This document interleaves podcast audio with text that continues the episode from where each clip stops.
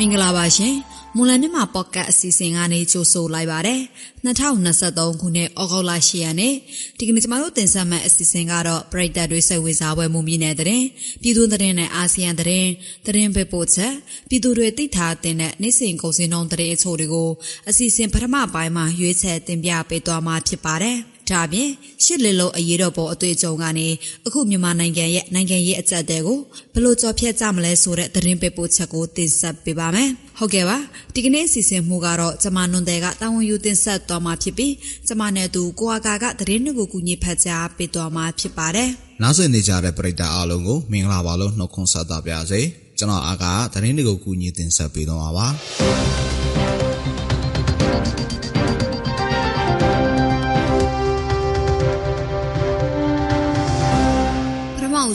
ပါ။နောက်ဆုံးသတင်းသဘောအနေနဲ့မွန်ပြည်နယ်နဲ့ကရင်ပြည်နယ်မှာဩဂုတ်လအစောပိုင်းရာစပြီးမွန်အဆက်မပြတ်ရော်သွန်းမှုကြောင့်မြည်ရရှမ်းလာရကနေရေပေလွတ်ရထွက်ပြေးတိမ်းရှောင်နေရသူ12000ထိရှိလာပြီလို့သိရပါဗျ။မိုးအဆက်မပြတ်ရော်သွန်းမှုကြောင့်တောင်ရင်တန်လွင်ဘီလဲမြစ်ရေတွေဟာဩဂုတ်လ2ရက်နေ့ကနေမနေ့ကအထိဆိုရရင်ရေအမှတ်အထက်ကိုရောက်ရှိနေဆဲဖြစ်ပါတယ်။ကရင်ပြည်နယ်ဖန်အန်လှိုင်းဘွဲ့ကော့ဂရိတ်ကြိုင်းစိတ်ကြီး ဖာပွန်နဲ့မြဝတီမြို့နယ်တွေမှာရေကြီးရေရှမ်းမှုကြောင့်လူပေါင်း6000နီးပါး9860ဦးကိုဘေးလွတ်ရာရွှေ့ပြောင်းထားရတယ်လို့သိရပါဗျ။စစ်ကောင်စီကတော့ရေဘေးသစ်ပြည်သူတွေကိုစံစီစားနဲ့တအိမ်တောင်ကိုတစ်နေ့2800ကျပ်ထောက်ပံ့ပေးနေတယ်လို့မီဒီယာတွေကိုပြောပါတယ်ရှင်။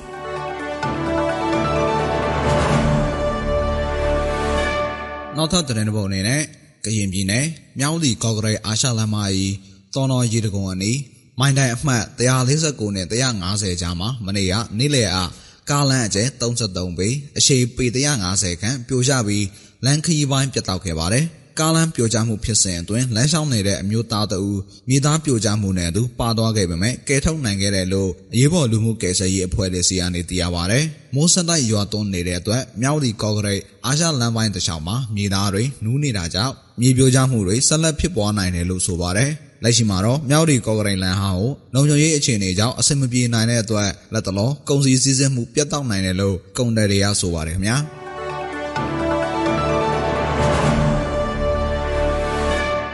နောက်ထပ်သတင်းသဘောအနေနဲ့ရန်ကုန်မြို့တွင်လက်လီဆန်အယောင်းဆိုင်တွေကိုလည်းအရန်ဆန်တွေဖြတ်ဝေရောင်းချပေးသွားမယ်လို့မြန်မာနိုင်ငံဆန်စပါအသင်းချုပ်ကထပ်မံထုတ်ပြန်လာပါတယ်။ တဆိုင်ကိုအမထဆန်အိတ်အကြီး90အိမ်နှုံးနဲ့နှစ်ပတ်ကိုတစ်ကြိမ်ဖြတ်ဝေရောင်းချဖို့စီစဉ်နေတယ်လို့ထုတ်ပြန်ချက်မှာပါရှိနေပါတယ်။ဒါပြင်ဆက်စပါအတင်းချုပ်အနေနဲ့ရန်ကုန်မြို့ပြင်မြို့နယ်တွေမှာလည်းနေရာတတ်မှတ်ပြီးအယောင်းဆိုင်ဖွင့်လင်းတာကားနဲ့လှက်လဲရောင်းချတာတွေကိုပြုလုပ်ဖို့အစီအစဉ်နေပြီးမကြာမီစတင်သွားမယ်လို့လည်းသိရပါဗျ။ဒါပေမဲ့အရန်ဆန်တွေစတင်ထုတ်ရောင်းတဲ့မနေ့ကစလို့ရန်ကုန်စံစည်းကွက်မှာစံစည်း9000အထိထပ်မံမြင့်တက်ခဲ့တယ်လို့သိရပါတယ်ရှင်။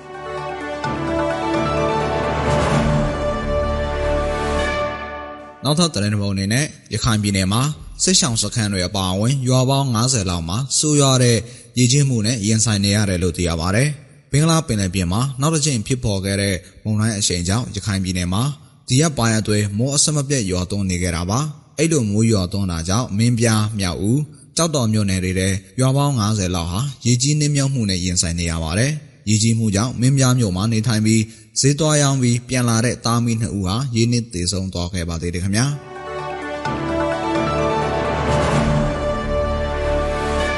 နောက်ဆုံးသတင်းတပုတ်အနေနဲ့အမြင့်ပြက်စီရင်သွင်းလာတဲ့မြန်မာနိုင်ငံကနိုင်ငံပိုင်ဘဏ်နှစ်ခုဖြစ်တဲ့မြန်မာယင်းနှီးမြှုပ်နှံမှုနဲ့ကုတန်ရောင်းဝယ်ရေးဘဏ် MICB မြန်မာနိုင်ငံသားကုန်သွယ်ရေးဘဏ်တို့ MFTP နဲ့ငွေကြေးလွှဲပြောင်းတာတွေဆက်မလုပ်ဖို့အမေရိကန်ကတတိပေးလိုက်ပါတယ်။ ဒီဘဏ်နှစ်ခုကိုပြီးခဲ့တဲ့သတင်းပတ်အတွင်းအတွင်းမှာအမြင့်ပြတ်စီရင်သွင်းပြီးအဆက်ဆက်မလုပ်ဖို့ကြေညာခဲ့ပါတယ်။အဲ့ဒီဘဏ်တွေဟာစစ်ကောင်စီရဲ့လက်နက်နဲ့လေရင်ဝယ်ယူနိုင်ရေးနိုင်ငံခြားငွေကြေးသုံးစွဲနိုင်အောင်အထောက်အကူပြုတယ်လို့အမေရိကန်ကကြေညာထားပါတယ်။အခုတော့ဩဂုတ်လ9ရက်နေ့နောက်ပိုင်းအားစပြီးအဲ့ဒီဘဏ်နှစ်ခုနဲ့ငွေကြေးအလွှဲပြောင်းလုပ်တာတွေကိုစောင့်ကြည့်ပြီးအရေးယူတော်မှာဖြစ်တယ်လို့သတိပေးချက်ထုတ်ပြန်လာပါတယ်ရှင်။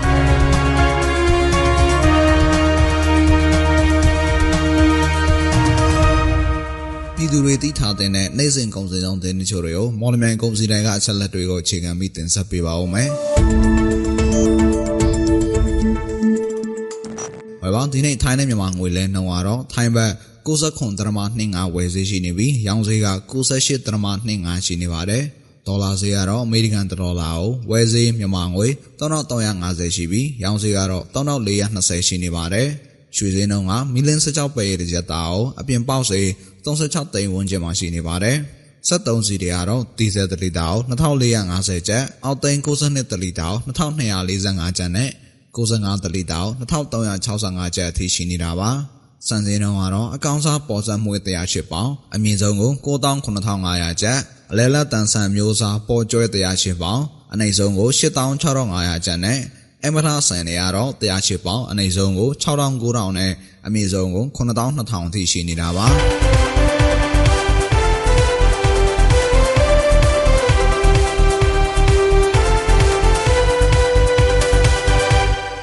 တင်ဆက်ပေးသွားခဲ့တာက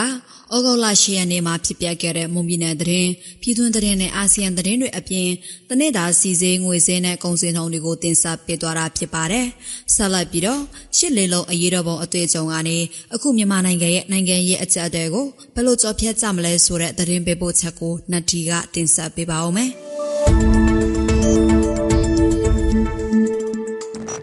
1988ခုနှစ်မှာဖြစ်ပွားခဲ့တဲ့လူထုအရေးတော်ပုံအသွေးချောင်းကနေအခုမြန်မာနိုင်ငံမှာဖြစ်ပွားနေတဲ့နိုင်ငံရေးအချက်သေးကိုဘလို့ကြောပြတ်ကြမလဲဆိုတာနိုင်ငံရေးအတိုင်းဝိုင်းစားဆွေးနွေးနေပြီးနီလန်ရှာနေကြပါတယ်။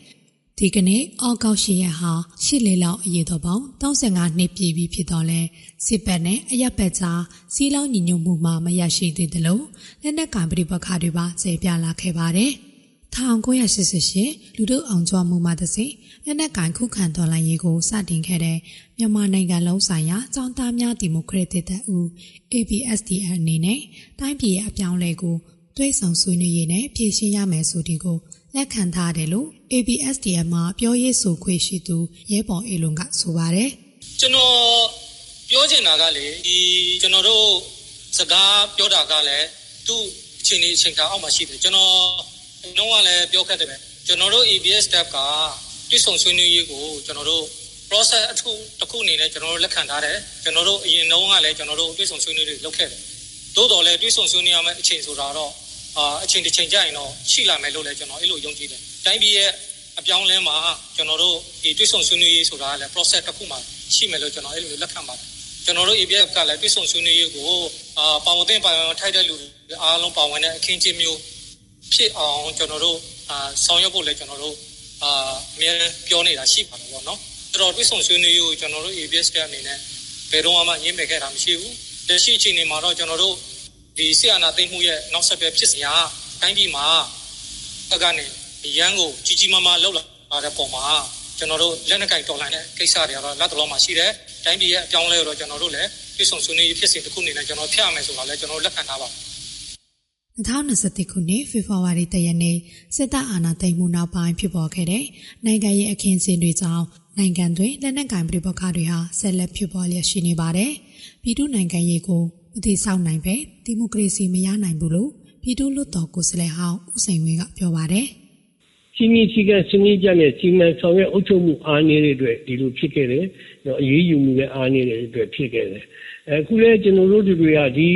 ပြီးခဲ့တဲ့ဟာကိုသင်ခန်းစာယူပြီးတော့ကျွန်တော်တို့အခုဖြစ်နေတဲ့အနေအထားပေါ်မှာနော်ကျွန်တော်တို့ကတော့ကျွန်တော်ကနီလန်းနှမျိုးနဲ့တစ်မျိုးကတော့ဟိုမျိုးဦးဒေါ်လာရေးဆိုပြီးတစ်ဖက်ကတော့လက်နဲ့ကန်ကိစ္စနဲ့လုပ်နေတယ်ပေါ့ဗျာ အဲကျွန်တော်တို့ကတော့ကျွန်တော်တို့ကဒီကျွန်တော်တို့ရဲ့အသက်အရွယ်နဲ့ကျွန်တော်တို့ရဲ့ဖြတ်သန်းလာခဲ့တဲ့အရာနဲ့ကျွန်တော်ကပြည်သူနိုင်ငံရေးကိုမတိဆောက်ဘဲနဲ့ကျွန်တော်ဒီမိုကရေစီနိုင်ငံရေးဆိုမရနိုင်ပါဘူးလက်ရှိလက်နက်ကင်ပဋိပက္ခတွေကြောင့်ပြည်တွင်းမှာအကြက်သေးတွေနဲ့ရင်ဆိုင်နေရကြောင်းအခုချိန်ထိလည်းပြဿနာဖြေရှင်းရေးကြိုးပမ်းမှုတွေရှိနေသည့်တိုင်မပြေလည်သေးပဲဖြစ်နေပါတယ်ရှင်။